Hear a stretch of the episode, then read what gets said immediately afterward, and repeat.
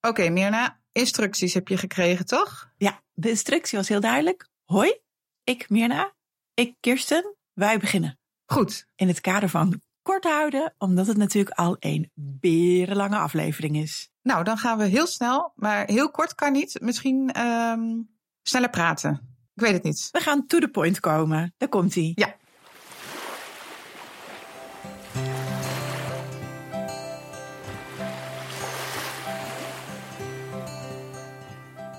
Welkom bij het Verloskundig Baken, de podcast die een podium geeft aan innovatie en vernieuwing in de geboortezorg.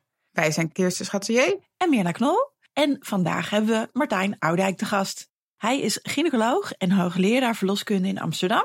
En hij heeft zich helemaal toegerust op de vroeggeboorte.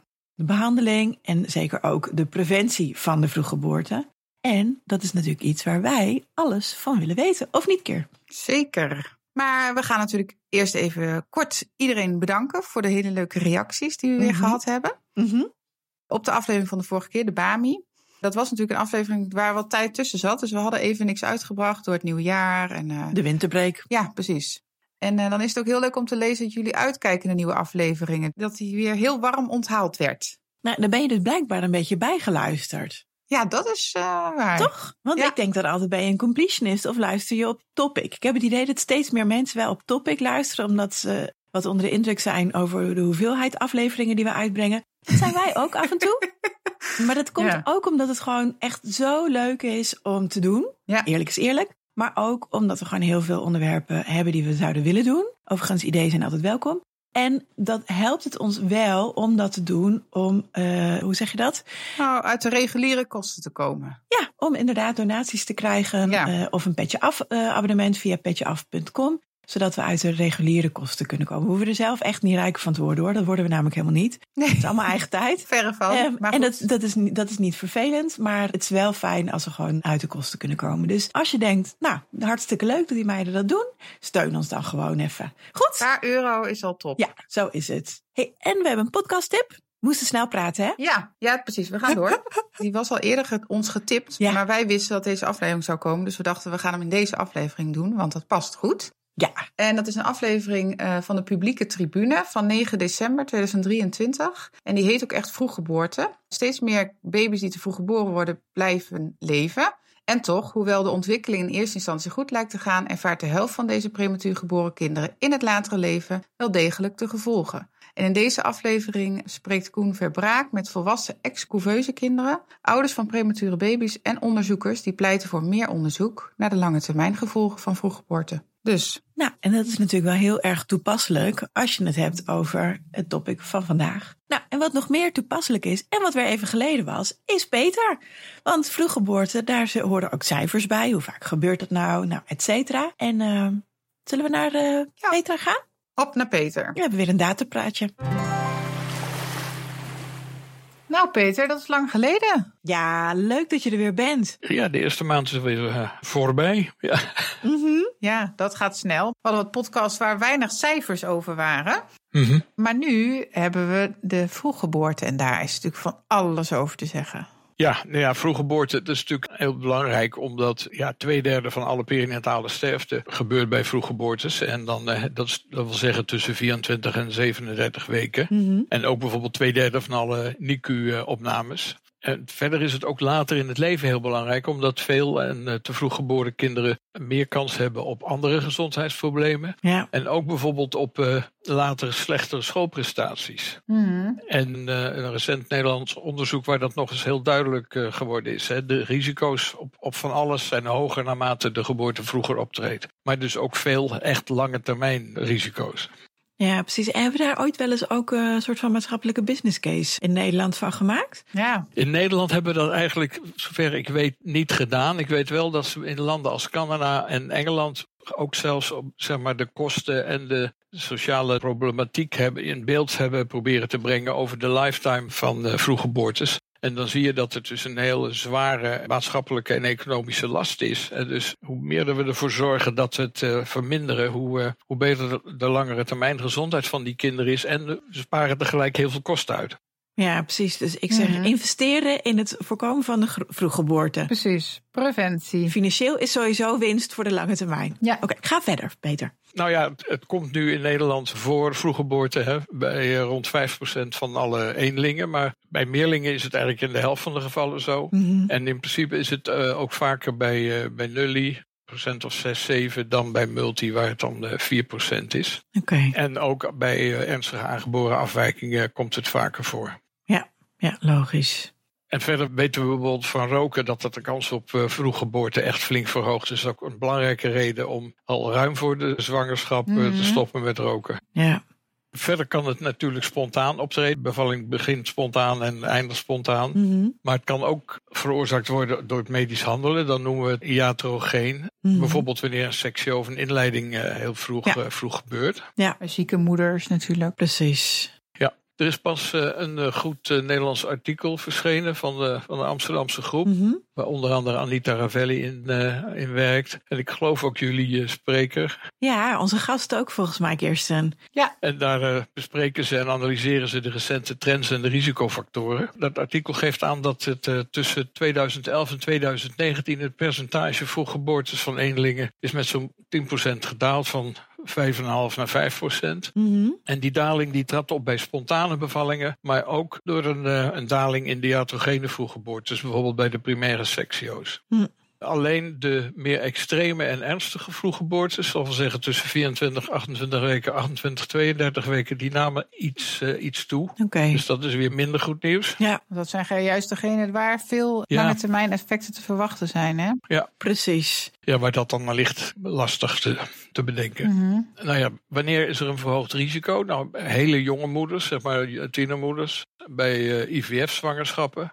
En daarvan weten we natuurlijk wel dat die iets meer, dat die langzaam eh, toenemen. En eh, we zien het ook vaker bij moeders uit lagere sociaal-economische klassen en bij bepaalde herkomstgroepen, die we dan overigens niet-westerse herkomst noemen. Ja. Heel vaag. En bij primaire sectio's daalde het percentage vroeggeboortes van, van 14% in 2011 naar 10% in 2019. En bij meerlingen bleef dat gewoon constant hoog. Oké. Ik heb toen zelf ook nog weer even naar de cijfers op de Perinet-website gekeken, die toen nog in de lucht was. En eh, trouwens nu niet meer zo goed, er is iets mis daar. En daar zag ik dat vrijwel alle vroeggeboortes in de tweede lijn plaatsvinden. Mhm. En dus op tijd overgedragen worden. Dat is Ja. natuurlijk een goed bericht voor de Nederlandse zorg. Mhm. We zien maar een fractie, zeg maar een tiende, een half procent in de eerste lijn.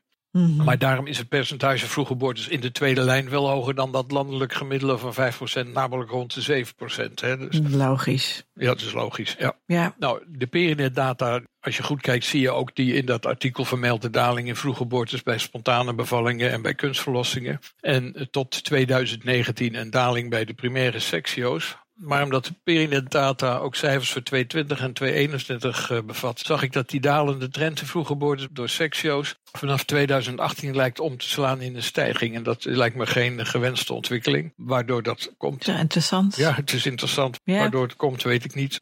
Nee, ik ook niet. Misschien een beetje gevolgen van corona zou kunnen. Dat er dan meer eh, ja, Meer seksjes plaats moesten vinden omdat er hele zieke moeders waren of zo. ja, zieke moeders of mogelijk langer gewacht met insturen. Ik weet, ik kan dat allemaal niet. eh, Nee, nee Ja. precies. Langer gewacht met insturen, dan is het niet meer een vroeggeboorte. Dat doen we niet. nee.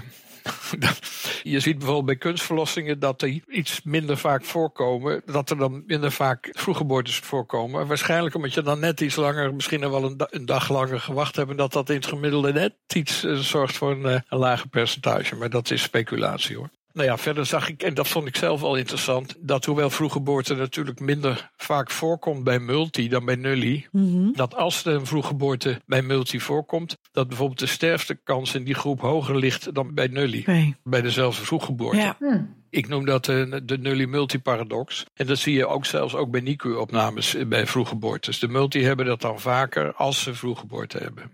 Ja, precies. En dat heeft er waarschijnlijk mee te maken dat de risico's zich stapelen. Multi zijn natuurlijk ouder en hebben meer risicofactoren zoals eh, vaker obesitas of hypertensie. Ja. Maar dat hebben we nooit goed uitgezocht. Maar het lijkt me voor je risicoperceptie wel belangrijk om te weten van... Ja, interessant. Een multi is niet per se veiliger of minder risico. Beter af. Ja, Zo gauw het een vroeggeboorte is, moet je extra oppassen. exact. Ja, Mooi. wist ik niet hoor. Ik zeg, eh goede tip. Ja. Mooi, leuk. Nou, dank Peter. En ehm, nou ja, zoals um, jullie gewend zijn, heeft hij alles ook weer heel mooi uitgewerkt met grafieken en statistieken en zo. Ja, en die zetten we in de show notes. Ja, die kunnen jullie daar terugvinden. Top. Dankjewel. Dankjewel. Oké, niks te danken. Leuk. Nou, laten we doorgaan naar het onderwerp van vandaag. Vroeggeboorte. Mm En we hebben een gast uh, die daar heel veel van weet, Martijn Oudijk. Welkom. Dankjewel. Zou je jezelf uh, voor willen stellen? Ja, ik ben uh, Martijn Oudijk. Ik ben uh, gynaecoloog in het Amsterdam UMC. En hoogleraar verloskunde. En dan met speciaal aandachtsgebied preventie vroeggeboorte en behandeling van vroeggeboorte. Nou, dan hebben we de goede, hè, Mirna? Ja, precies. Meestal hebben wij namelijk voor onze gasten één allereerste vraag. En die hebben we natuurlijk ook voor jou. Hoe ben je voor het eerst met de geboortezorg in aanraking gekomen? Nou, dat is wel een leuk verhaal. Toen ik geneeskunde studeerde, toen had ik eigenlijk helemaal niet het idee om uh, gynaecoloog te worden. Je kon destijds een, uh, een deel van je kooschap in het buitenland lopen. En ik was van plan om naar Afrika te gaan. En ik dacht, nou dan kan ik daar kooschap gynaecologie en verloskunde doen. En daar kwam ik terecht in Zimbabwe.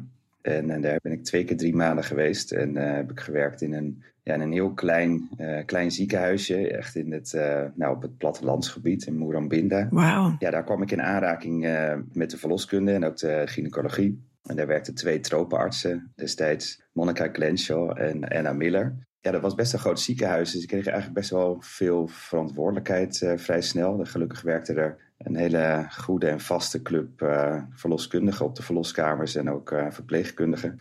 Ja, die mij eigenlijk nou ja, alles hebben geleerd ja, wat ze konden. En ja, dat was eigenlijk zo'n enorm bijzondere en inspirerende tijd dat ik, uh, ja, toen ik daar zat, eigenlijk het meest uh, blij en gelukkig was uh, tijdens alle kooschappen. Ja. En dat ik dacht, ja, misschien, misschien moet ik toch mijn beroepskeuze veranderen. Ja. Ik, was, ik was eigenlijk van plan om cardioloog te worden. Oké. Okay. Maar ja, dat kooschap vond ik wel leuk. Dat had ik destijds in Nederland gelopen.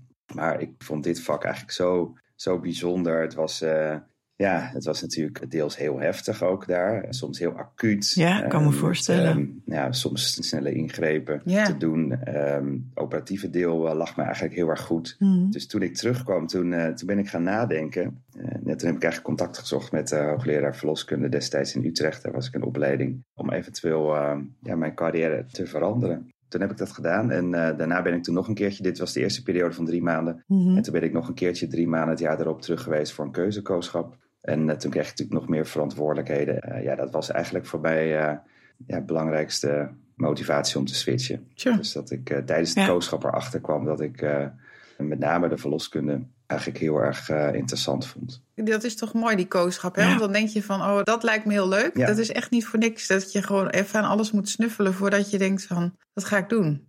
Ja, dat is het precies. Ik vond op zich uh, eigenlijk de meeste kooschappen best wel, uh, best wel leuk. Mm. Maar ja, dit is wel iets wat je uiteindelijk dan uh, voor Ja. heel je leven, of in ieder geval een groot deel van je leven gaat doen. Ja.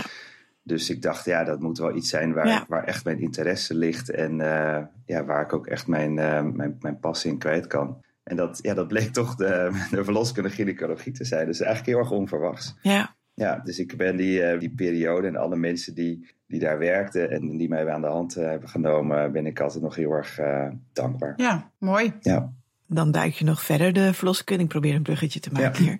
Eh, verder de verloskunde in en grijpt vroeggeboorte jou eh, als eh, onderwerp. Ja. En dat is natuurlijk ook het onderwerp waar we het vandaag over gaan, gaan hebben. Want er zijn natuurlijk verschillende soorten vroeggeboorten. Vroeggeboorten die gewoon spontaan gebeuren, om maar even zo te zeggen. En vroeggeboorten die gedaan worden omdat er een ander probleem is. En het de oplossing is om de baby geboren te laten worden. Ja.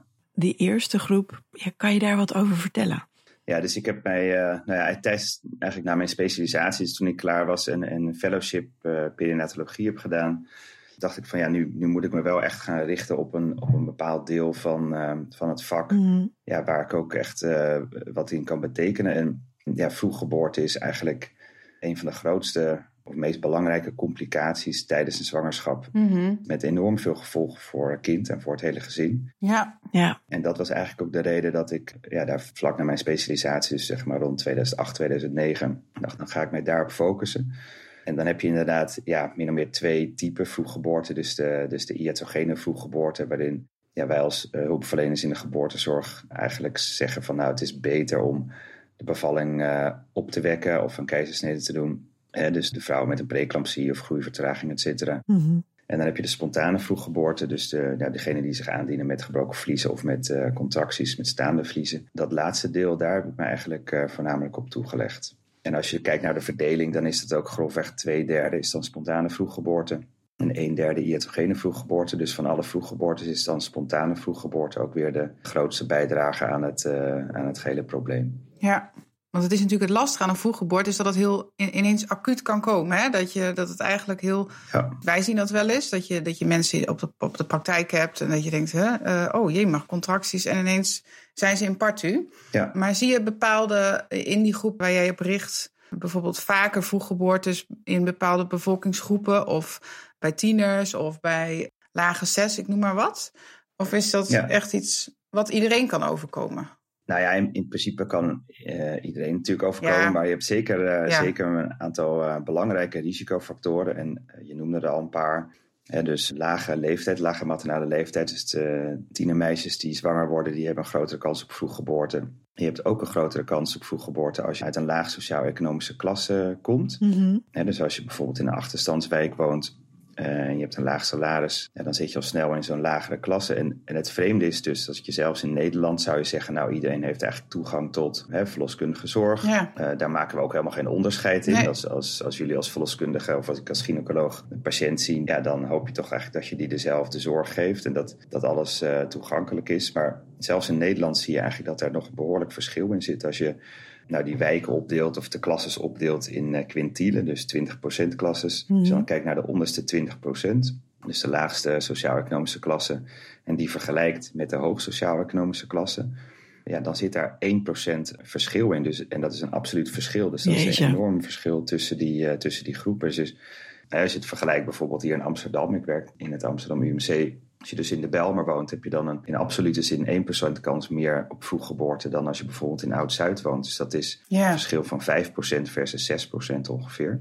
Ja. Ja, dus ook daar eh, zitten nog best wel grote verschillen. Dus als je het hebt over eh, ja, waar moeten we onze focus op leggen als je kijkt naar preventie, ja, dan moet je natuurlijk vooral focussen op die groepen waar nog heel veel winst, winst te behalen is. Ja. En want waar komt dat dan door? Wat is nou anders? Leggen wij dingen niet goed uit waardoor het later gesignaleerd wordt?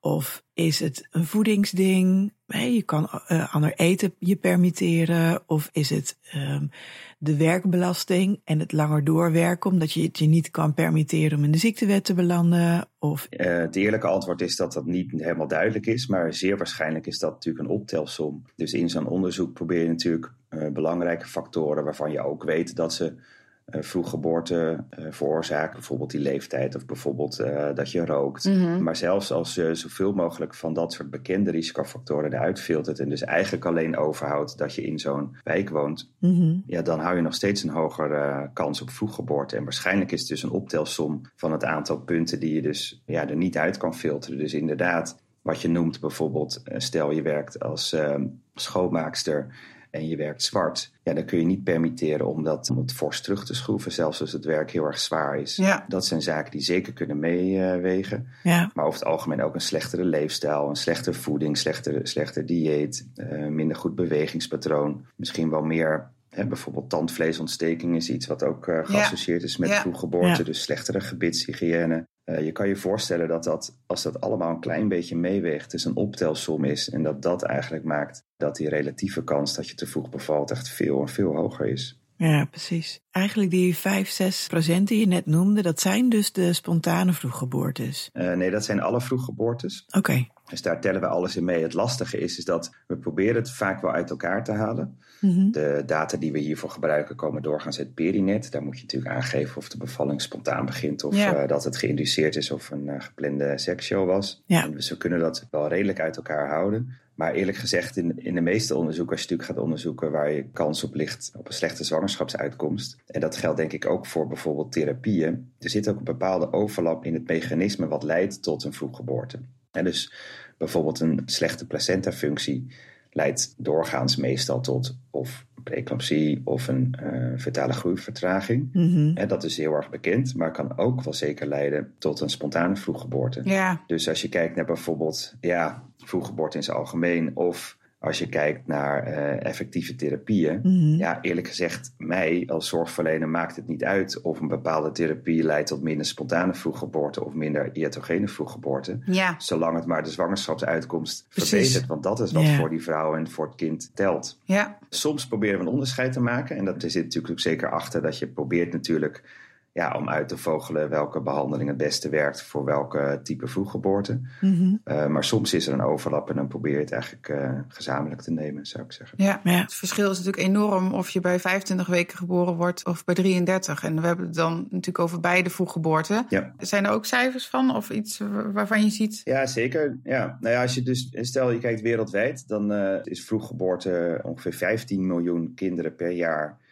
worden wereldwijd te vroeg geboren. Dus 15 miljoen. Mhm. En van die 15 miljoen overlijden ongeveer 1 miljoen kinderen per jaar ten gevolge van die vroeggeboorte. Mhm. En als je dan in Nederland kijkt, dan zit dat ongeveer op 11, 12.000 eh vroeggeboortes per jaar. Mhm. Maar dan tellen we doorgaans vanaf 24 weken zwangerschapsduur. Ja, Terwijl, ja, jullie als verloskundige weten natuurlijk ook dat als je tussen de 16 en de 24 weken bevalt, Ja. ja, dan, ook. dan scharen we dat niet meer onder miskraam. Dat is gewoon een immature partus Ja. met al het verdriet eh, wat daar ook mee gepaard gaat. Dus het werkelijke aantal ligt echt nog wel een stuk hoger.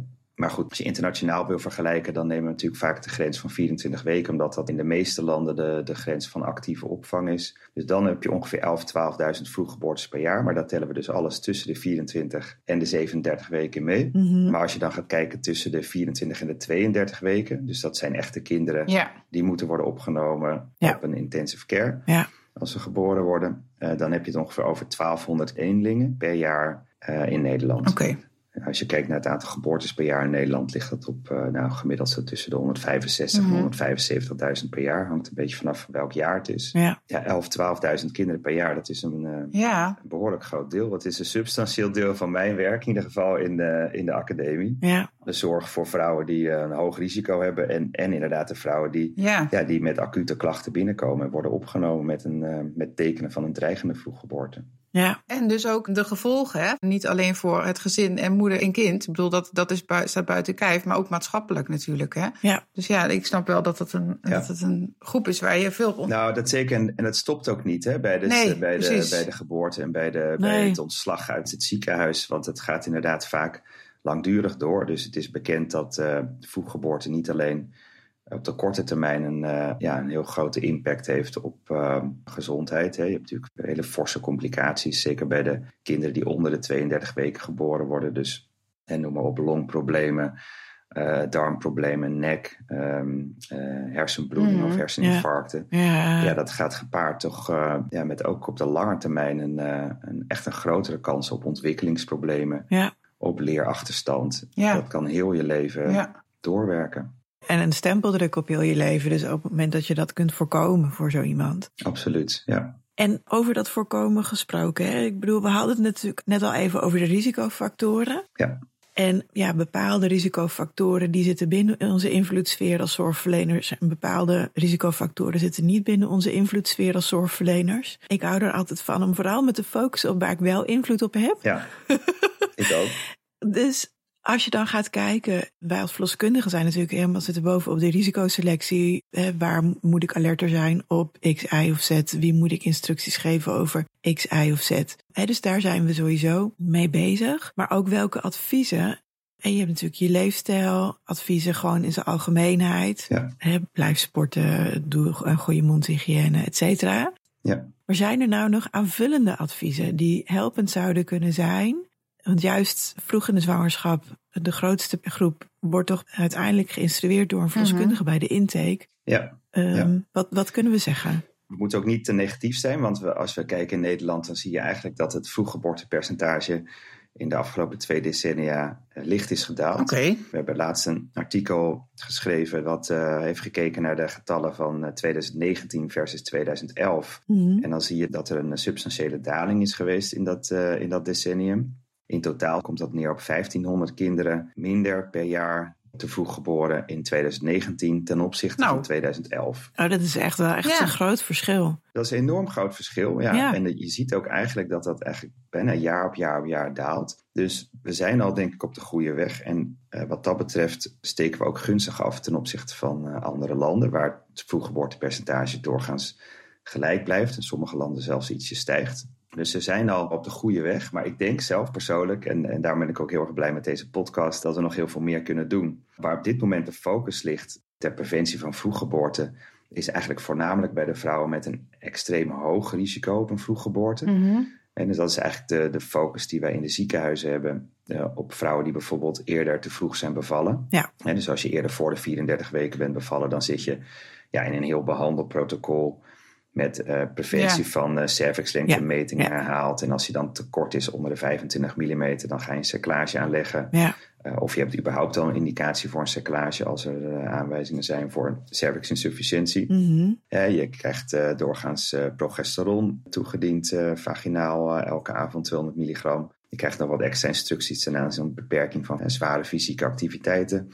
Dus dan zit je al in een, in een bepaald behandelprotocol. En hetzelfde geldt eigenlijk voor de meerlingen. Die hebben natuurlijk ook al onderzorg. Maar als je kijkt naar die 11, 12.000 vroeggeboortes per jaar. Dan zijn er 6.000 daarvan, dat zijn nullipara vrouwen. Ja. Dus dat betekent eigenlijk dat ja, als we echt willen dat dat vroeggeboortepercentage nog verder hè, zal gaan dalen, dus in het komende decennium, dan moeten we daarop focussen. Dus dan hebben we echt inderdaad de hulp van jullie nodig, van de verloskundigen. Want de vrouwen die onder zorg zijn in de eerste zwangerschap, daar hebben we eigenlijk nog de grootste winst te behalen. En nou, je noemde net al een heel belangrijk punt, uh, leefstijl. Ik denk dat ja, jullie ook best wel vaak verbaasd zijn over het aantal vrouwen wat ja, zwanger bij jullie op de poli zit. En dan toch nog misschien rookt. Uh, of een hele slechte leefstijl heeft. In de zin van weinig bewegen, slecht dieet, et cetera. En dat eigenlijk zou je dat natuurlijk het liefst willen veranderen voorafgaand aan de zwangerschap. Ja. Als we zeg maar aan het publiek duidelijk kunnen maken dat het heel belangrijk is als je nadenkt over een zwangerschap, om je leefstijl zoveel mogelijk uh, te optimaliseren voorafgaand aan zo'n zwangerschap. Ja. Dan hebben we denk ik al heel veel winst gehaald. En dat is natuurlijk heel moeilijk, want ja, uh, gezonde leefstijl is natuurlijk altijd goed. Ook al uh, word je niet zwanger hè, voor jezelf, voor je eigen gezondheid. En we weten dat zelfs nou, dat dat niet vaak een motivatie is voor veel mensen om het aan te passen. Blijkt toch heel erg lastig te zijn. Mm -hmm. Maar juist als je uh, als jonge vrouw zwanger zou willen worden en als je dit wel weet, bijvoorbeeld door nou, meer bekendheid hiervan op, op, op scholen of publieke campagnes, Mhm. nou, dan hebben we denk ik al heel erg veel gewonnen. Dus, dus als we echt proberen preconceptioneel al die leefstijl aan te passen, dat zou denk ik een hele belangrijke uh, factor zijn. Nou, dat is eigenlijk gelijk een pleidooi om die preconceptiezorg weer. Ja, Want dat is ja. toch. Ja, maar heel even. Ik bedoel, ik ben onwijs pro-preconceptiezorg. Ja. Maar je krijgt ze gewoon je spreekkamer niet in. Nee, Nee, je krijgt ze de spreekkamer niet in. En het lastige is ook... super ja. lastig. TikTok-filmpjes. Nou, Ja. TikTok, is, ja, dat zou een heel goed idee zijn als je kijkt naar de invloed van, eh, van, jonge, van jonge mensen. Die halen alle Ja. informatie uit TikTok. Ja. Die willen En helemaal niet alles wat er staat. van een professional horen. Ik zeg gewoon Nee, eh nee. rambam met TikTok-filmpjes maken of, of weet ik veel. Met sieren samen Ja. gelijk. Volgens mij is Instagram al een beetje voor de twintigers generatie. En TikTok en eh, Snapchat, dat is voor de huidige tieners, Ja. zeg maar. Je hebt gewoon Ja, we hopen dat die nog niet zwanger worden. Want dan- Nee, nee, nee, dat is wel de weer vroege kans. over een jaar vijf à tien. Maar ja, als je ja. vroeg alvast die boodschap een Ja. beetje inweekt, dan als die daarna Ja. herhaald wordt, Ja. dan... Nou, dat is helemaal waar hoor. Ik zeg dan eh, voorlichting op scholen, maar ja, dat is dan maar de vraag of dat blijft hangen natuurlijk. Ja, dus joh, dat, dat is toch altijd een lachenles. Ja. Ja, ja.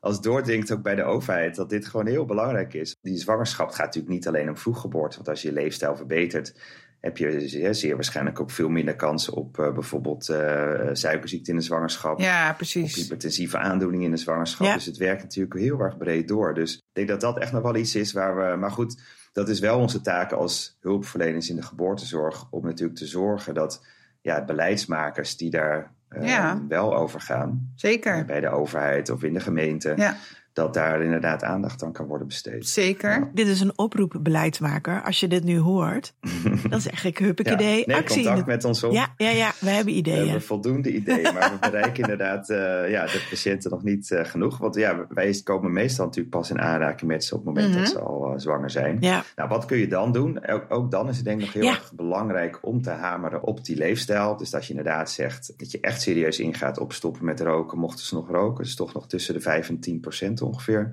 roken vergroot de kans op een vroeggeboorte met een factor 3. Ja, Dus eh, en dan gaat het bij wijze van spreken van 5, 6 procent naar 15 tot 20 procent. Dus dat is echt wel ja, heel erg fors. Dus besteed er echt aandacht aan en niet alleen maar zeggen je moet stoppen met roken, maar verwijzen ook door naar iemand die ze kan, eh, kan helpen daarmee. Ja, Nou, dieet, het valt mij ook echt op hoe, ja, hoeveel mensen eigenlijk heel ongezond eh, eten. Dat is belangrijk. En wat heel erg belangrijk daar ook in is, zeker als je kijkt naar de preventie vroeggeboorte, is dat het eh, advies van de Gezondheidsraad is om in de zwangerschap eh, minstens twee keer per week vis te eten. ja. Nou, daar komt bijna niemand aan in Nederland. Nee. Eh, tenminste, in mijn populatie bijna niemand. Als je dan zegt, nou, mocht je dat niet halen, of stel dat je het niet lekker vindt, kan natuurlijk ook, dan is ook een heel goed alternatief om omega-3 eh, visoliecapsules te gebruiken. Want omega-3, of dus die visintake van twee keer per week, dat verlaagt ook de kans op een vroeggeboorte met ongeveer 10%. En het verlaagt het aantal vroeggeboortes eh onder de 34 weken zelfs met 40%. Dus ja, dat is. dat is eigenlijk een heel simpel iets Ja, ook in verloskundige praktijken om te adviseren. Want ik durf wel te zeggen dat bijna niemand aan die twee keer per week vis in komt. Zelfs niet als je het adviseert. En dan is dit een heel eenvoudig alternatief. ja, nou ja, zeker ook met vis. Dan kom je dus op de detail. Namelijk, wat voor soort vis mag ik wel? Welke soort vis mag ik niet? Ja, Ehm, en dat maakt mensen zo onzeker dat ik echt merk dat Ja. dat een van de langere gesprekken is, ook in de centering die wij eh, doen op de praktijk. ja. En dan, dan gaat men dus maar geen vis eten als consequentie, zeg maar. Ja, dat is natuurlijk Ja. super zonde. Nou, het is heel beperkt, hè? Want als je kijkt, meestal wijs ik zelf op die, die app eh, Zwangerhand. Ja, dat is, een, best een goede app om, eh, ja, waar je wel en niet wat, wat mag eten. Want je mag bijvoorbeeld roofvissen, dus tonijn, makreel. Ja, dat, dat, dat wordt er eigenlijk heel eh, eh, snel afgehaald. Dus als je dan kijkt wat je echt kan eten in die zwangerhap-app qua vis, dan kom je bijna alleen maar uit op zalm. Nou is persoonlijk vind ik zalm best wel een lekkere vis, maar Ook duur. ja, het is wel beperkt en je kan je ook niet voor, ook duur. Maar goed, dat is sowieso natuurlijk, eh, gezonde voeding is relatief te duur. Ja, Maar ja, als je nou twee keer per week zalm gaat eten, is ook weer, is ook weer misschien weer een beetje. nou ja, en die lage zes met een wat lager inkomen, die, ik bedoel, eh, Ja, die omega-3 capsules zijn duur. Ja. En die zalm is duur. Ja, en dan als je dan moet kiezen. ja, ja. dat klopt. Ik ben het er helemaal mee eens. We zijn nu bezig dus met een nieuwe richtlijn preventie vroeggeboorte. Daar komt dit ook in. Mhm. En ik hoop ook heel erg dat dat stimuleert eh, Ja. eh, zorgverzekeraars om dit soort middelen ook te vergoeden. Want het is eigenlijk een enorme goedkope interventie. ja, om een hele ernstige complicatie eh, met, een, met een hele dure zorg. Hè. Dus een vroeggeboorte is natuurlijk ongelooflijk duur ook. Als je niet alleen kijkt naar de medische consequenties en, de, en het verdriet, maar het is ook gewoon kostbaar. Ja. zeker. Dan is dat eigenlijk een hele eh, makkelijke, kosteffectieve interventie. ja, en dan dus die omega-3 capsules vergoeden. Ja, Ja, absoluut. Of mag je je boodschappenbonnetjes inleveren? Ja, dat is dan soms weer wat lastiger, maar het vergoeden van supplementen ligt misschien wat meer, Ja. eh, wat makkelijker voor de hand. Ja. In de Bijlmer, dus in eh, Amsterdam Zuidoost, waar ik eh, werk, gaan we binnenkort ook een project opstarten waar we vergoeding voor hebben gekregen om gewoon die supplementen direct mee te geven bij de intake. Oh ja, En de juiste de vrouwen die, eh, die dus het inderdaad het meest nodig hebben. Dus dat, eh, wat leuk, wat ja, daar ben goed. ik al heel erg positief over. Precies. Ja, maar eigenlijk zou dat natuurlijk moeten worden vergoed vanuit, eh, vanuit de zorgverzekeraar. Nou ja, of ik bedoel, ik vind het prima als, net als dat we nu, weet ik veel, anti-D krijgen we ook aangeleverd, noemen ze iets totaal anders. ja. Als Nederland zegt van nou, iedere zwangere vrouw moet gewoon toegang hebben tot omega-3 eh, Ja. capsules. En Ja, dan ehm, geef je gewoon ja. een potje mee bij de, bij de intake Ja. en halverwege de Ja. zwangerschap het tweede potje. Ja. bam, ja, nou ja, dat is Ja. inderdaad een redelijk simpele. Ja. Als we daar al zoveel eh vroeggeboortes mee kunnen voorkomen. Nou ja, we kunnen ze in ieder geval. nou en zeker die hele vroege hè. En wij verloskundigen kunnen dit morgen doen. We kunnen morgen iedereen eh, gaan adviseren dat te doen. Ja, en natuurlijk is het dan voor de mensen die dat kunnen betalen misschien wat lastiger. Maar in ieder geval de grote groep die het wel kan en wil betalen, die hebben we ook al. Ja. Ja, Ja, dus ook een oproep aan eh, zorgverzekeraars. Als je dit hoort, neem Ja. contact met ons op. Ja, goed zo Martijn. Kijk, dit is hoe het werkt. Heel goed, heel We goed. hebben hele goede ideeën. Ja. Nou, en dan, ja, wat kunnen we nog meer doen? Ja, ik ben natuurlijk ook van de medische interventies. Zoals ik net al zei, hebben we dus een eh, richtlijn preventie vroeggeboorte in de maak. Waar ook de, eh, de KNOV is vertegenwoordigd en ook patiëntenverenigingen. Oh, moeten we de cervix gaan Dan meten? hebben we het natuurlijk ook over cervixlengtemetingen en, en aspirine. oh ja. En, eh, nou, misschien eerst even over aspirine, als, dat, eh, als je dat goed vindt. Ja. Dus zoals jullie weten geven we natuurlijk aspirine eigenlijk al decennia lang aan, aan vrouwen met een, eh, met een hoge kans op preeclampsie. Mhm. En sinds een aantal jaren, sinds 2019 geloof ik, is er een, ook een richtlijn Die kijkt naar risicofactoren op het ontwikkelen van een hoge bloeddruk Ja. en groeivertraging in de zwangerschap. Als je dan een bepaald aantal risicofactoren hebt, twee matige of één ernstige, dan kom je in aanmerking daarvoor. Dus dan beschrijven eigenlijk aspirine, als we goed die richtlijn volgen, ongeveer al bij 25, 30 procent van alle zwangere vrouwen voor. Maar juist ook die nullipare vrouwen, nullipariteit is wel een risicofactor, maar dan moet er dus nog één risicofactor bij komen, zou je het willen geven. Maar als je gaat kijken naar onderzoeken die zijn gedaan, die daar geen onderscheid in hebben gemaakt. Dus als je alleen aspirine geeft in de eerste zwangerschap, dan leidt dat ook tot een reductie van het vroeggeboortepercentage met ongeveer 10%. Dus ja, mijn pleidooi zou eigenlijk zijn, en dat kom je natuurlijk weer op voorlichting en tijd die je hebt bij de intake, maar dat elke vrouw daar wel op de hoogte van moet zijn. Aspirine is ook eigenlijk een eenvoudige interventie eh, en ook goedkope interventie. En we hebben uitgerekend in die richtlijn, als je alle nullipare vrouwen, dat zijn ongeveer 73.000 per jaar, als die allemaal aspirine zouden gebruiken, dan zou je, het, dan zou je per jaar ongeveer 750 kinderen minder, Nou. minder te vroeg worden geboren. Dus ook dat zou kunnen helpen. Alleen wat het lastig ook met dit soort interventies is, en eh, je merkt dan al van nou, omega-3 of visintake, dat, dat zit een beetje in de hoek van voedingssupplement. Dus Ja. de meeste mensen zijn daar best wel positief over. Van nou, dat, gaat, dat voelt goed, dat voelt gezond. Ja, Terwijl als je het framet als aspirine, is het natuurlijk een medicijn. Ja, dat En klopt. ook al is het laag gedoseerd, 80 milligram. Ja. Dan is het echt een medische interventie, een medicalisering van de zwangerschap. En je moet het wel, kijk, laten we eerlijk zijn, 73.000 vrouwen moeten het gebruiken om 750 vrouwen of kinderen te helpen. En dat is een beetje de discussie die, eh, die we denk ik de komende jaren gaan krijgen. En datzelfde geldt ook voor de, eh voor de cervixlengtemeting natuurlijk bij de 20 weken echo. Als iedereen meedoet, dan levert het heel erg veel op, denk ik. Qua minder vroeggeboortes, minder NICU-opnames, minder korte en lange termijn complicaties. Maar ja, er zit ook veel, ja, hoe zeg je het, Eh, veel overbehandeling in. Ja. En dus heel veel vrouwen moeten aspirine gebruiken of die cervixlengtemeting ondergaan om een deel van de vrouwen te helpen. Je hoort ook echt best wel veel dat vrouwen zeggen: ja, maar ik wil juist niks gebruiken. Hè. Die nemen nog geen paracetamolletje als ze hoofdpijn hebben. Ja, Ja, dus je zult ze echt ja, goed moeten. ja. Ja, dat vind ik dus altijd interessant. Hè? Dus als Ja, je het brengt als voedingssupplement, dan, eh, dan, dan voelt het goed, gezond. Ja. Terwijl als je het brengt, ja, dit is, dit is een medicijn. Terwijl als je kijkt naar aspirine en wat we daarvan weten. En eh, als we ook kijken naar de, naar de bewijsvoering die er is op de gezondheid op lange termijn. Dat is helaas best wel beperkt, want er zijn relatief weinig onderzoeken die goed gaan kijken naar de lange termijn effecten van interventies die in de zwangerschap zijn gedaan. Mhm. Maar in Nederland proberen we dat wel systematisch te doen met al onze trials. Als je gaat kijken naar die onderzoeken, dan zijn er ook op de lange termijn aanwijzingen dat het juist leidt tot een ja, gezondere populatie of gezondere kinderen. Op wat voor manier dan? Nou, dus op betere ontwikkeling bijvoorbeeld. En dat is natuurlijk heel erg belangrijk. Want je kan je voorstellen dat als de zwangerschapsuitkomst verbetert, dat dat ook langduriger doorwerkt in de gezondheid en de, ja, de ontwikkeling van kinderen. Ja. Dus als je bang bent voor negatieve effecten, dan moet je natuurlijk niet alleen kijken naar ja, wat doet het alleen op de zwangerschapsuitkomst. Maar mensen willen natuurlijk ook weten, ja, als ik zo'n pilletje gebruik in heel de zwangerschap, leidt dat niet op de lange termijn misschien op negatieve effecten. Maar juist daarvan lijken dus de, eh, nou, de voorzichtige conclusie, laat ik het zo zeggen, is dat dat zeker niet het geval is. En als je met een optimistische bril naar kijkt, dan lijkt het zelfs juist wat gunstiger te zijn. Dus ja, ik denk dat we echt wel de komende jaren die discussie meer gaan, eh, gaan, gaan krijgen.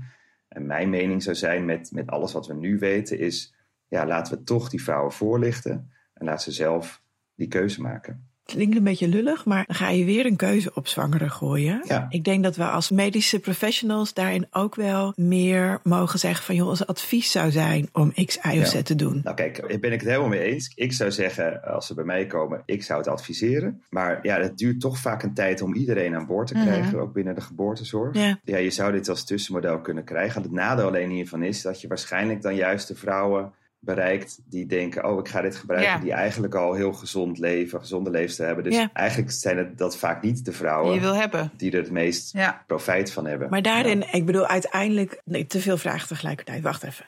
Eerst bij het begin. Bijwerkingen. Ja. Eh, ik bedoel, eh, niet iedereen Ja. mag aspirine gebruiken. Hè, je, je hebt Ja. bepaalde colitis ulcerosa, is er volgens mij bijvoorbeeld eentje van. Ja. Hè, waarbij het niet mag. Ja. Dus dan voel je je misschien een beetje ja, er is geen alternatief. Dus dan is het gewoon jammer de bammer, je hebt die ziekte, dus doe maar niet. Want daarvoor hebben de bijwerkingen te veel nadelen. Sneller bloedend tandvlees, Ja, maag hoor ik ook wel veel, ja. eh, maagproblemen, maagklachten. Maar als je daarnaar kijkt, dan blijft het toch maar een klein deel. Ik weet niet hoe heftig die bijwerkingen zijn, zeg maar. Dus Nou, die zijn over het algemeen vrij, vrij beperkt. Hè. Ook in de zwangerschap zijn we eigenlijk niet heel erg bang voor bloedingsproblemen. Je mag het in principe, stel dat je toch in partu komt terwijl je het nog gebruikt, zijn wij eigenlijk niet heel erg bang voor een fluxus of eh, eh, problemen bij het prikken van een spinaal of een ruggenprik of van een epiduraal bijvoorbeeld. Dat valt eigenlijk doorgaans wel mee. oké. Ja, soms hou je natuurlijk vrouwen die eh, toch zeggen van nou sinds ik ben gestart heb ik wat last van mijn maag. Ja, dan zou je natuurlijk kunnen veronderstellen dat het daarmee te maken heeft en dan op proef stoppen. Maar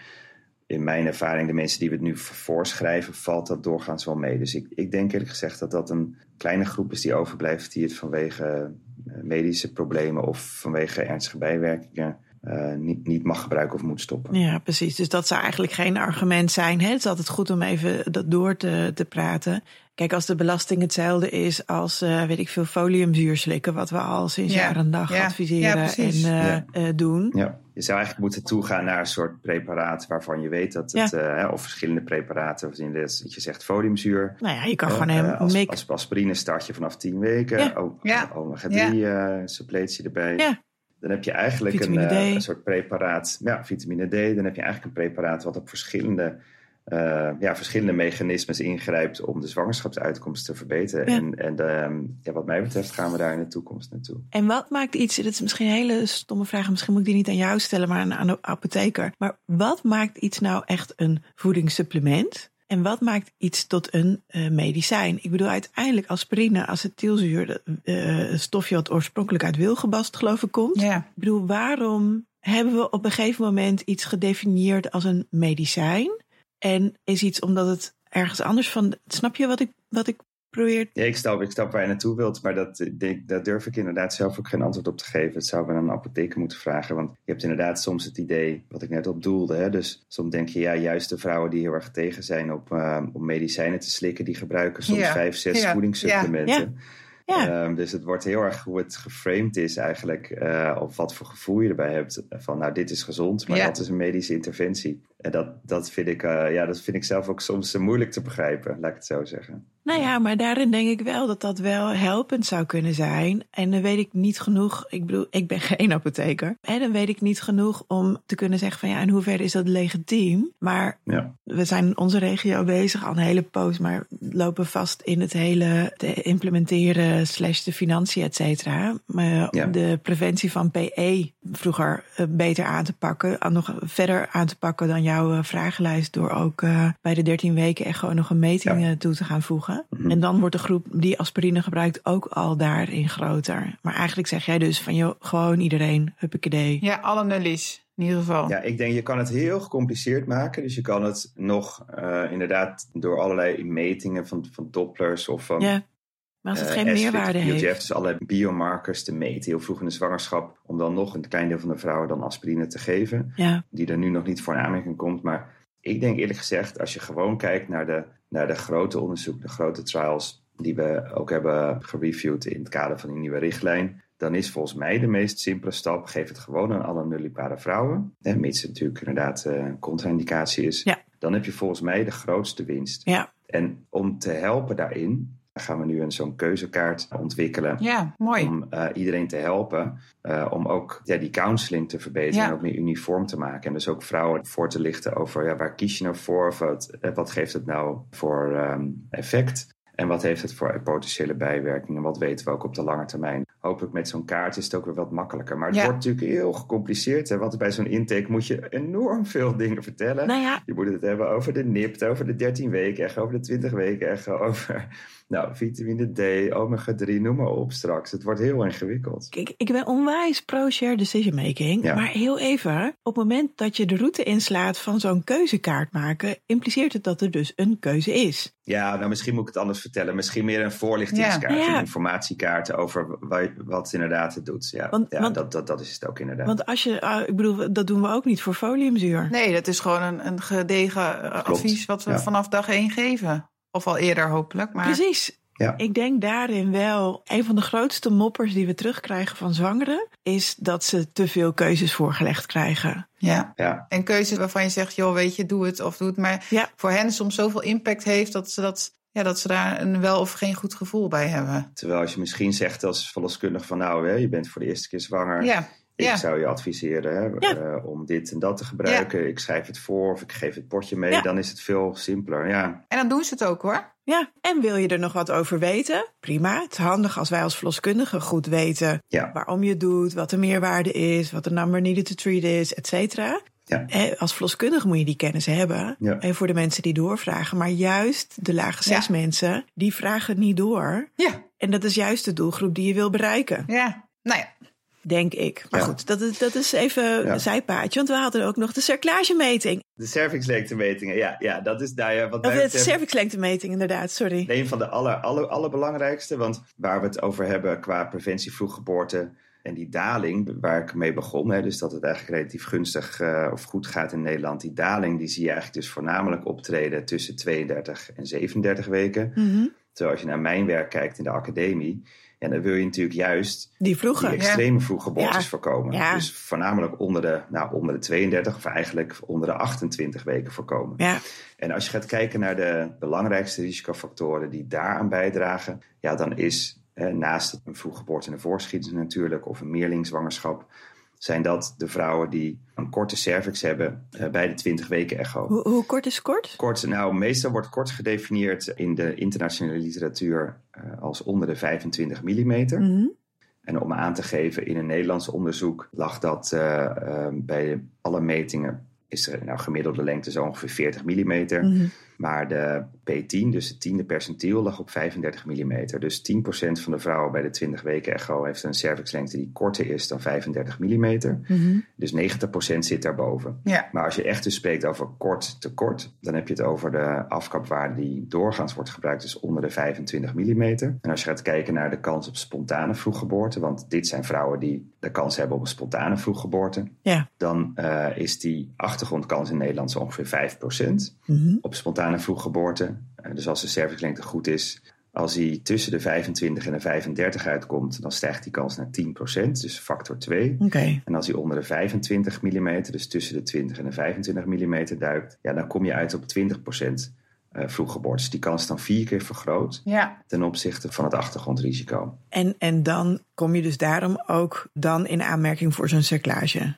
Toch? Want dat zei je al eerder dat het onder de 25 mm was, toch? Nou, dat is eigenlijk bij vrouwen die ooit eerder te vroeg zijn bevallen. Oké. Eh, die, die geef je doorgaans progesteron ter preventie. Ja. Die krijgen seriële metingen, dus die ja, precies. krijgen elke twee weken een cervixlengtemeting. Ja. Ehm, als hij dan onder de 25 mm uitkomt, ja, dan heb je nog extra baat bij een cerclage. Ja. Maar stel je bent in je eerste zwangerschap of je hebt nog nooit een vroeggeboorte meegemaakt, dan is eigenlijk de effectieve interventie die je dan start eh, de progesteron 200 milligram. Oké. Bij vrouwen met een korte cervix, dus onder de 25 mm, is het vroeggeboortepercentage dus verhoogd, of fors verhoogd eigenlijk. Met progesteron kun je die dan weer met ongeveer 35% eh, verminderen. Nou. Dus de progesteron helpt. Het helpt niet bij iedereen perfect, maar het idee Nee. is eigenlijk dat je dus minder vroeggeboorte creëert en dus bij de vrouwen die alsnog te vroeg bevallen toch een aantal weken verder uitkomt dan dat je Ja. eh, was afgeweest Ja. zonder, eh, zonder progesteron. Ja. Nou ja, en iedere dag is er één, zoals we weten. Dus ja. Ja, zeker. Ja. En daarvan weten we ook dat eh, het, het verschilt heel erg waar je zit, in welk land of in welke regio, hoe groot de kans is op een korte cervix. In de meeste landen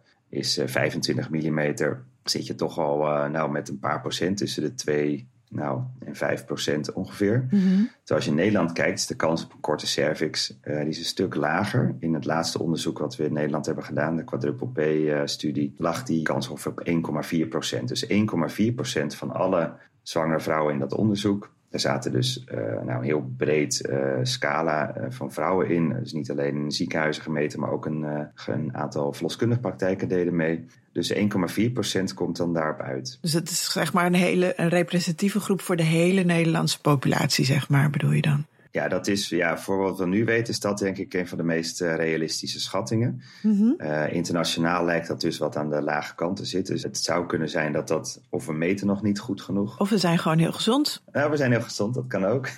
ja, of ze meten minder goed. Ja, dat kan natuurlijk ook. Nou, als wij kijken naar de metingen die we soms terugkrijgen, dan zie ik doorgaans eigenlijk dat de meting toch vaak nog wat te lang wordt uitgevoerd. Dus oh. als we toegaan naar meer metingen, dan is training ook echt wel heel erg belangrijk. Ja, je hebt uh, bij de FMF een uh, scholing uh, die je kan volgen. Ja, daar zit een hele mooie scholing inderdaad. Ja. ja. we zijn ook in Nederland bezig met een, met een e-learning. En ook met, nou, met beelden erbij, met de pitfalls. Want soms kan het best wel lastig zijn om een goede cervixlengte te meten. Ja, ja en mijn mening is dus inderdaad, we hebben een effectieve interventie, namelijk progesteron. Dat is in meerdere grote trials in verschillende landen is dat aangetoond dat dat dus een uh, vermindering geeft van het aantal vroeggeboortes bij vrouwen met een korte cervix. Maar ja, dan hebben we die effectieve interventie, maar dan moeten we ook uh, die vrouwen wel opsporen. Ja, meten. Dus ja, ik ben ook echt een grote voorstander uh, van het implementeren van, uh, van uh, cervixlengtemeting ja. bij, bij de 20 weken echo. we besteden heel veel aandacht om te kijken of de foetus nou, geen structurele afwijkingen heeft aan de biometrie en vruchtwater, weet ik het wat. Terwijl, ja, wat heb je nou aan een gezonde foetus als je, als je uiteindelijk extreem te vroeg geboren ja. wordt en alsnog overlijdt? Ja, dus, daar heb je een punt. Terwijl daar je echt wat aan kan doen. Dus ik, ik vind het ook onbegrijpelijk dat we nog steeds nou, daar niet aan toe zijn. Dus uh, ik zou echt enorme grote voorstander zijn om, uh, om die cervixlengte ook uh, daar standaard bij aan te bieden. En dan goede training natuurlijk te geven. En bij een korte cervix dan progesteron voor te schrijven. En dat hebben we ook onderzocht in Nederland, waar dat toe kan leiden. Want hier zijn natuurlijk nog benieuwd, waar leidt dat dan toe? Mm -hmm. Nou, dat leidt ongeveer, als je dat bij iedereen gaat doen in Nederland, dan kunnen we het aantal vroeggeboortes in absolute zin, dus onder de 28 weken, verminderen met 75 kinderen per jaar. Mm -hmm. En dat lijkt weinig, maar dat zijn dus toch een substantieel uh, aantal kinderen. En het aantal NICU-opnames per jaar in Nederland met ongeveer 160 minder per jaar. Nou, Als ja. we weten, nou, jullie weten waarschijnlijk ook hoeveel tekort er is op de NICU's. Precies. Het zijn toch wel 160 plekken. Ja. In één klap zou dan het NICU-opnamecapaciteitsprobleem zou dan weg zijn. Dus dat, en dat... Maar heel even, ik hoor je pleidooi, maar ik ga toch stiekem alvast even tussendoor uh, vraag stellen. Ik ben ook CEO-excopist. Ja, ja. Ik denk dat jouw pleidooi, dat ik een van de uitvoerende partijen uh, dan mag gaan zijn. Ja. We hebben recent uh, al een nieuwe richtlijn voor het CEO met placenta en dan mm -hmm. potentieel al bij 20 weken ook vaginaal kijken naar die placenta. Voor vrouwen is het best wel een belasting om vaginaal te kijken. Als je dat echt oprecht vraagt aan mensen, dan zie je dat er toch best een aanzienlijk deel is die bijvoorbeeld bij de 13 weken niet wil dat je vaginaal kijkt. En op het moment dat je een beetje doordrukt als zorgverlener, dan vindt men het wel goed. Maar eigenlijk. Liever niet. Als het niet nodig is, liever niet. En daarin zie je bij 20 weken met regelmaat zie je die cervix echt wel goed zitten. Het is niet zo betrouwbaar als een goede cervixlengtemeting. Dat staat onomstotelijk vast. Je bedoelt als je via de buik uh, kijkt? Ja, als je via de buik kijkt. Ja. Maar zou je daarin ja. eigenlijk al een soort van voorselectie kunnen doen... dat je hem via de buik meet? Kom je nou uit op ruim 4, 5, dan ga je gewoon niet vaginaal kijken. Kom je nou uit op onder de weet ik veel... dan bied je mensen aan om wel vaginaal te kijken. Uh, dat je op die manier... Nou, ik denk toch best een aanzienlijke groep vrouwen niet zo'n vaginale echo hoeft aan te doen. Want wij hebben het wel over, nou, wat is het, 160.000 uh, ja. vrouwen voor Ja. 75 kinderen. Ja. Even heel plat gezegd. Dat, ik bedoel, dat is nog steeds heel belangrijk voor die kinderen. Dat wil ik echt niet ondermijnen. Maar ja, er zijn best veel negatieve seksuele ervaringen. En voor die vrouwen is zo'n vaginale echo, die niet hoeft. Ja, ik begrijp waar je naartoe wilt. Mhm. Ehm, Ik zoek even ja, de grenzen op als hè, je bij kijkt je. Naar de, Mhm. Nee, als je kijkt naar de, nou ja, naar de kwaliteit van de meting en de nauwkeurigheid van de meting, Mhm. ja, dan is eigenlijk het korte antwoord daarop, ja, helaas is dat gewoon geen goed alternatief. Dat is uitgebreid onderzocht. Ja, Uh, dat je toch uh, frequent op een uh, ja, verkeerde meting kan uitkomen als je via de buik kijkt. En de vaginale meting is eigenlijk de enige echte goede meting die je kunt verrichten. oké. En ik denk ook daarbij, zeker heb je het natuurlijk gelijk in dat je zegt, ja, het is wel een vaginaal onderzoek. Maar ook dat is iets hoe je het, ja, denk ik, brengt en hoe je het aanbiedt. In mijn regio, in de regio Amsterdam, wordt het eigenlijk al, nou, ruim tien, misschien wel 12 jaar ongeveer standaard aangeboden. En is het meer of meer een soort uh, opt-out procedure. Dus we zeggen, nou, we gaan eerst via de buik kijken en vervolgens aan het eind van het onderzoek kijken we nog inwendig om te kijken naar bijvoorbeeld naar de baarmoederlengte of eventueel als de placenta laag ligt of iets dergelijks. En dan is eigenlijk ruim 90, 95 procent van de vrouwen die, die is akkoord met die meting. En als je het ook uitlegt waarvoor je het doet, ja, dan is onze ervaring eigenlijk best wel goed. Dus ik denk dat dat ook een, ja, misschien een tijdje zal duren voordat die omslag er is. Ja, heeft tijd nodig. Ja, dat ook wat tijd nodig heeft. Ik kan me voorstellen als je daar vanuit een echte praktijk mee begint, ja, dat, je dat, dat dat ook even tijd kost voordat dat goed en standaard erin zit. Ja, onze ervaringen zijn dus relatief goed. Wat ik dus het lastige vind, maar goed, dan bekijk ik het weer even van, Mhm. vanuit mijn kant. Mhm. En dat is natuurlijk een hele. eh, Maar daarom is het leuk om naast elkaar te leggen, toch? Ik ben nieuwsgierig Ja. juist naar jouw kant. Wat mijn kant is, is dat ik doe natuurlijk veel preventie, vroeggeboorte, polykliniek. Eh, er zitten eigenlijk bijna alleen maar vrouwen die ooit te vroeg zijn bevallen. En voornamelijk dan in de academie vrouwen die onder de 28 weken of zelfs voor de 24 weken zijn bevallen. Ja, die gaan we dan die cervixlengtemetingen aanbieden. En als je dan kort is, een heel groot gedeelte van die vrouwen die valt dan uiteindelijk door de mand en heeft een korte cervix. En daar ja, leggen we dan een cerclage aan. En, en wat die hebben immers al progesteron. Mhm. Ja, die vragen mij altijd, ja, maar waarom is dit nou niet in die eerste zwangerschap gewoon gedaan? En dan, ja, dan vind ik het steeds moeilijker Ja. in, de, in de afgelopen Ja, jaren worden Snap om te verantwoorden dat het niet is gebeurd. Want als je kijkt naar deze data, van nou, we hebben een effectieve interventie. We kunnen het eigenlijk eh, gewoon heel nauwkeurig meten. Mhm. Ik kan gewoon bijna niet meer, ik voel me steeds meer in bochten wringen om dat nog te verantwoorden waarom we het nog niet doen. Ja, Maar dat is mijn kant hè, van het verhaal. Het is natuurlijk heel erg gebiased, dat snap ik ook wel. Want ik zie echte vrouwen die natuurlijk daar zelf nadeel van hebben ondervonden. ja.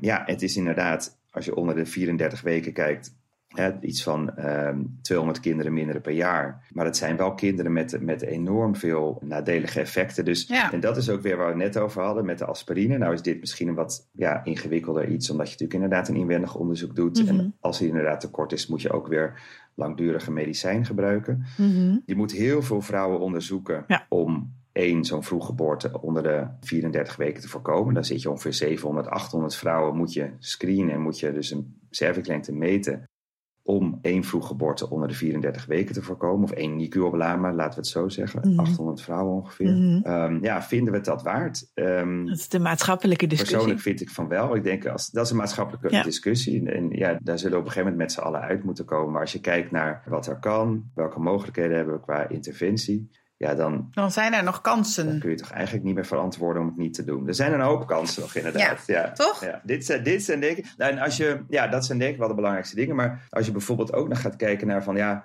waardoor komt dat nou? Dat die cervix te kort is of dat die niet goed functioneert Mhm. dan heeft dat ook vaak te maken met iatrogene schade. En iatrogene schade doel ik dan op dat je bijvoorbeeld met, als je een curettage eerder hebt gehad, dan heb je een hogere kans op een korte cervix of een vroeggeboorte. Als je een lysexcisie of een conisatie hebt gehad, dus bijvoorbeeld voor een, voor een, eh, voor een afwijking aan de cervix. Ja. Dat zijn hele belangrijke risicofactoren voor vroeggeboorte. Nou, met die groep kunnen we sowieso starten dan, toch? Zou je denken. Zeker. Ja. Nou ja, dat sowieso. Maar ik, ja, ik denk niet dat je moet gaan differentiëren. Want dan heb je het niet alleen over mensen die dat hebben gehad, een curettage. Ja, ja, Of een of een lysexcisie, maar nullipariteit is een belangrijke risicofactor voor een korte cervix als je een zwarte etniciteit hebt. Dus dan ga je weer heel erg differentiëren. nee, dan wordt het weer ongelooflijk gecompliceerd. Ja, precies. Maar belangrijk is natuurlijk nog om die curettage te voorkomen. Ja, Stel, je hebt een niet-vitale zwangerschap. Dan zou mijn pleidooi zijn, wacht gewoon een spontane beloop af. Of geef hè, medicatie, dus misoprostol. In plaats van grijp meteen Ja. een curettage, want dat is helemaal niet nodig. Dus Nee. voorkom die iatrogene schade. Maar datzelfde geldt ook voor abortusklinieken. Als je, hè, er zijn Oh ja. ongeveer 30, 31.000 ja. Abortussen per jaar in Nederland. Ja, Ongeveer twee derde daarvan, zoals 20, 21.000, zijn instrumentele ingrepen. Ook die vrouwen moeten eigenlijk worden gecounseld voor het lange termijn risico. Daar zit je misschien dan helemaal niet op te wachten. Nee, Want je, hebt precies. natuurlijk, je bent in een noodsituatie. eh, er is ongetwijfeld een hele goede reden voor die abortus. Ik ben ook Ja. echt een voorstander dat we die mogelijkheid hebben in Nederland. Ja, Maar ja, meer eh, medicamenteus zou denk ik ook echt helpen om dit soort late consequenties daarvan. Dus soms vijf à tien jaar daarna, als je gewenste Ja. zwangerschap hebt, ja. dan word je ineens geconfronteerd met dit. ja. En datzelfde geldt voor bijvoorbeeld lysexcisies of conisaties. Je, dat zijn ingrepen die moet je natuurlijk doen als je Voor de pap. een premalige afneking hebt. Maar we hebben nu het HPV-vaccin. Dus je kan het gewoon voorkomen door, door die jonge meiden en nu ook die jongens te vaccineren. Dus dat kan ook op de lange termijn leiden tot dit soort gezondheidseffecten. Dus dat vaccinatiepercentage, wat ongeveer 65% is, dat moet ook echt nog verder omhoog. Ja, En als we dat doen, dan hebben we ook daar profijt van. Maar dat kunnen we ook meenemen in onze, in onze TikTok-filmpjes, ja. uh, Mirna. Ja, TikTok-filmpjes. Ja, ja, ja. Dan kunnen we gewoon zeggen van... hé hey jongens, neem dat vaccin. Want als je ooit zwanger bent en je wil graag een kindje... dan heb je ook minder kans op vroeggeboorte. Ja, Absoluut, absoluut. Ja. Ja, ik ga mijn best doen om weer een keer te samenvatten. Ja. En dat is jouw kans, eh, Martijn, om Ja. eh, onthoud even tussendoor welke dingen ik meer had moeten aanzetten om te kijken of we daarmee eh, compleet zijn. Er zijn natuurlijk twee soorten vroeggeboorte. Hè, De spontane vroeggeboorte en de iatrogene vroeggeboorte. Globaal gezien is het zo dat er in de afgelopen jaren een daling is geweest in het aantal vroeggeboorten. 1500 minder in de periode van 2011 naar 2019. En de grootste inzet, de grootste winst lijkt te behalen bij de nullipaarden. Of beter gezegd, eigenlijk lijkt de grootste winst te behalen te zijn bij het preconceptioneel advies. Waar we natuurlijk allemaal TikTok-filmpjes voor gaan maken. Mhm, mhm. HPV-TikTok-filmpjes, misschien ook wel miskraam, abortuskliniek TikTok-filmpjes, maar ook rondom bewegen, roken, dieet, etc. Op het moment dat je dan zwanger bent, dan moedig je mensen aan om omega-3 te slikken als ze niet van de vis zijn. Ja. En ga je daarnaast nog maar opnieuw dat roken, bewegen, dieet, etc. herhalen. Daarnaast is het zo dat we als eh, professionals met elkaar de goede discussie moeten voeren over het structureel alle nullipara aspirine voorschrijven. Om daarmee 750 kinderen die te vroeg geboren zouden kunnen worden te voorkomen. En daarbij moeten we met elkaar hebben over wat maakt medicatie nou medicatie? Wat zijn bijwerkingen en wanneer zijn die erg genoeg om het niet te doen? En is zoiets een keuze of is zoiets een advies? Daarnaast is het zo dat het ook een discussie mag zijn binnen onze beroepsgroepen om na te denken over het structureel meten bij de 20 weken echo van de cervixlengte. Waarbij we in het achterhoofd moeten houden dat progesteron ook daadwerkelijk een goede interventie is om het verhoogde eh, risico wat je daarmee opspoort als het ware weer kleiner te maken. Om goed die cervixlengte uit te voeren, moet je natuurlijk een e-learning Scholing. eh, dan ja. wel een hands-on-achtige training gedaan hebben, zodat je dat ook goed uitvoert en niet in de pitfalls valt. En is voorlichting op alle onderwerpen, eh, leefstijl, pak het even samen, eh, voedingssupplementen, aspirine en die vaginale echo bij de 20 weken echo helpend, omdat verwachtingmanagement uiteindelijk maakt dat mensen meer coöperatief zijn en sneller mee zullen werken. Ehm, zo.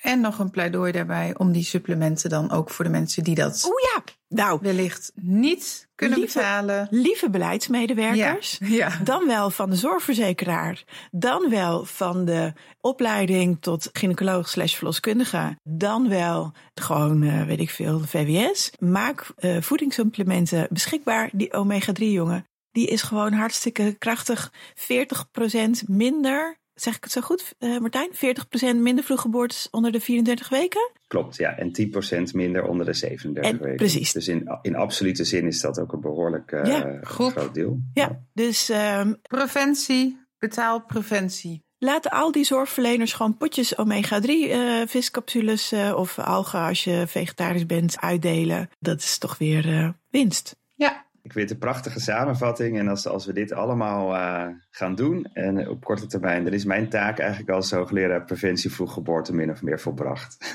ja, want dan heb jij straks veel minder werk. Ja. Nee, grapje. Nee. Ja, je bent Ja. veel te nieuwsgierig. Je gaat vast een nieuw onderwerp verzinnen. Hey, wanneer komt die richtlijn uit? Ja, die is nu ter autorisatie. Dus er, eh, eh, hij is al een keertje het land ingestuurd. Dus naar alle betrokken partijen om commentaar te geven. Die commentaarfase was in het najaar 2023. En hij is nu in de autorisatiefase. Dus er zijn nog wat, wat kleine strubbelingen en wat vragen die we moeten beantwoorden. Maar ik verwacht eigenlijk in de loop van dit jaar. Nou, En daar staat dus dit allemaal in al? Of is dat Daar eigenlijk... staat dit, daar staat dit allemaal in. Dus, Nou, dus de belangrijkste punten daarin zijn inderdaad dus de omega-3, de aspirine en de cervixlengtemeting. nou, Duidelijk. naslagwerk. Leuk. Heel goed. Dus het viel eigenlijk perfect samen, de, de planning van deze podcast, wat mij betreft. Nou, Leuk. Eens. Eens. Heel erg bedankt. Ja, onwijs bedankt. Graag gedaan. En eh, ik vond het heel interessant. Ja, zeker. We kunnen nog wel drie uur doorgaan. Ja, absoluut. Nee, ik vond het hartstikke leuk en, en heel interessant. En ik, eh, nou, ik hoop dat er veel, eh, veel luisteraars zijn die hier eh, wat van opsteken. En dit ook weer meenemen naar de dagelijkse praktijk. Want dat is natuurlijk het belangrijkste doel hiervan. Ja, zeker. Dankjewel. Dank jullie wel.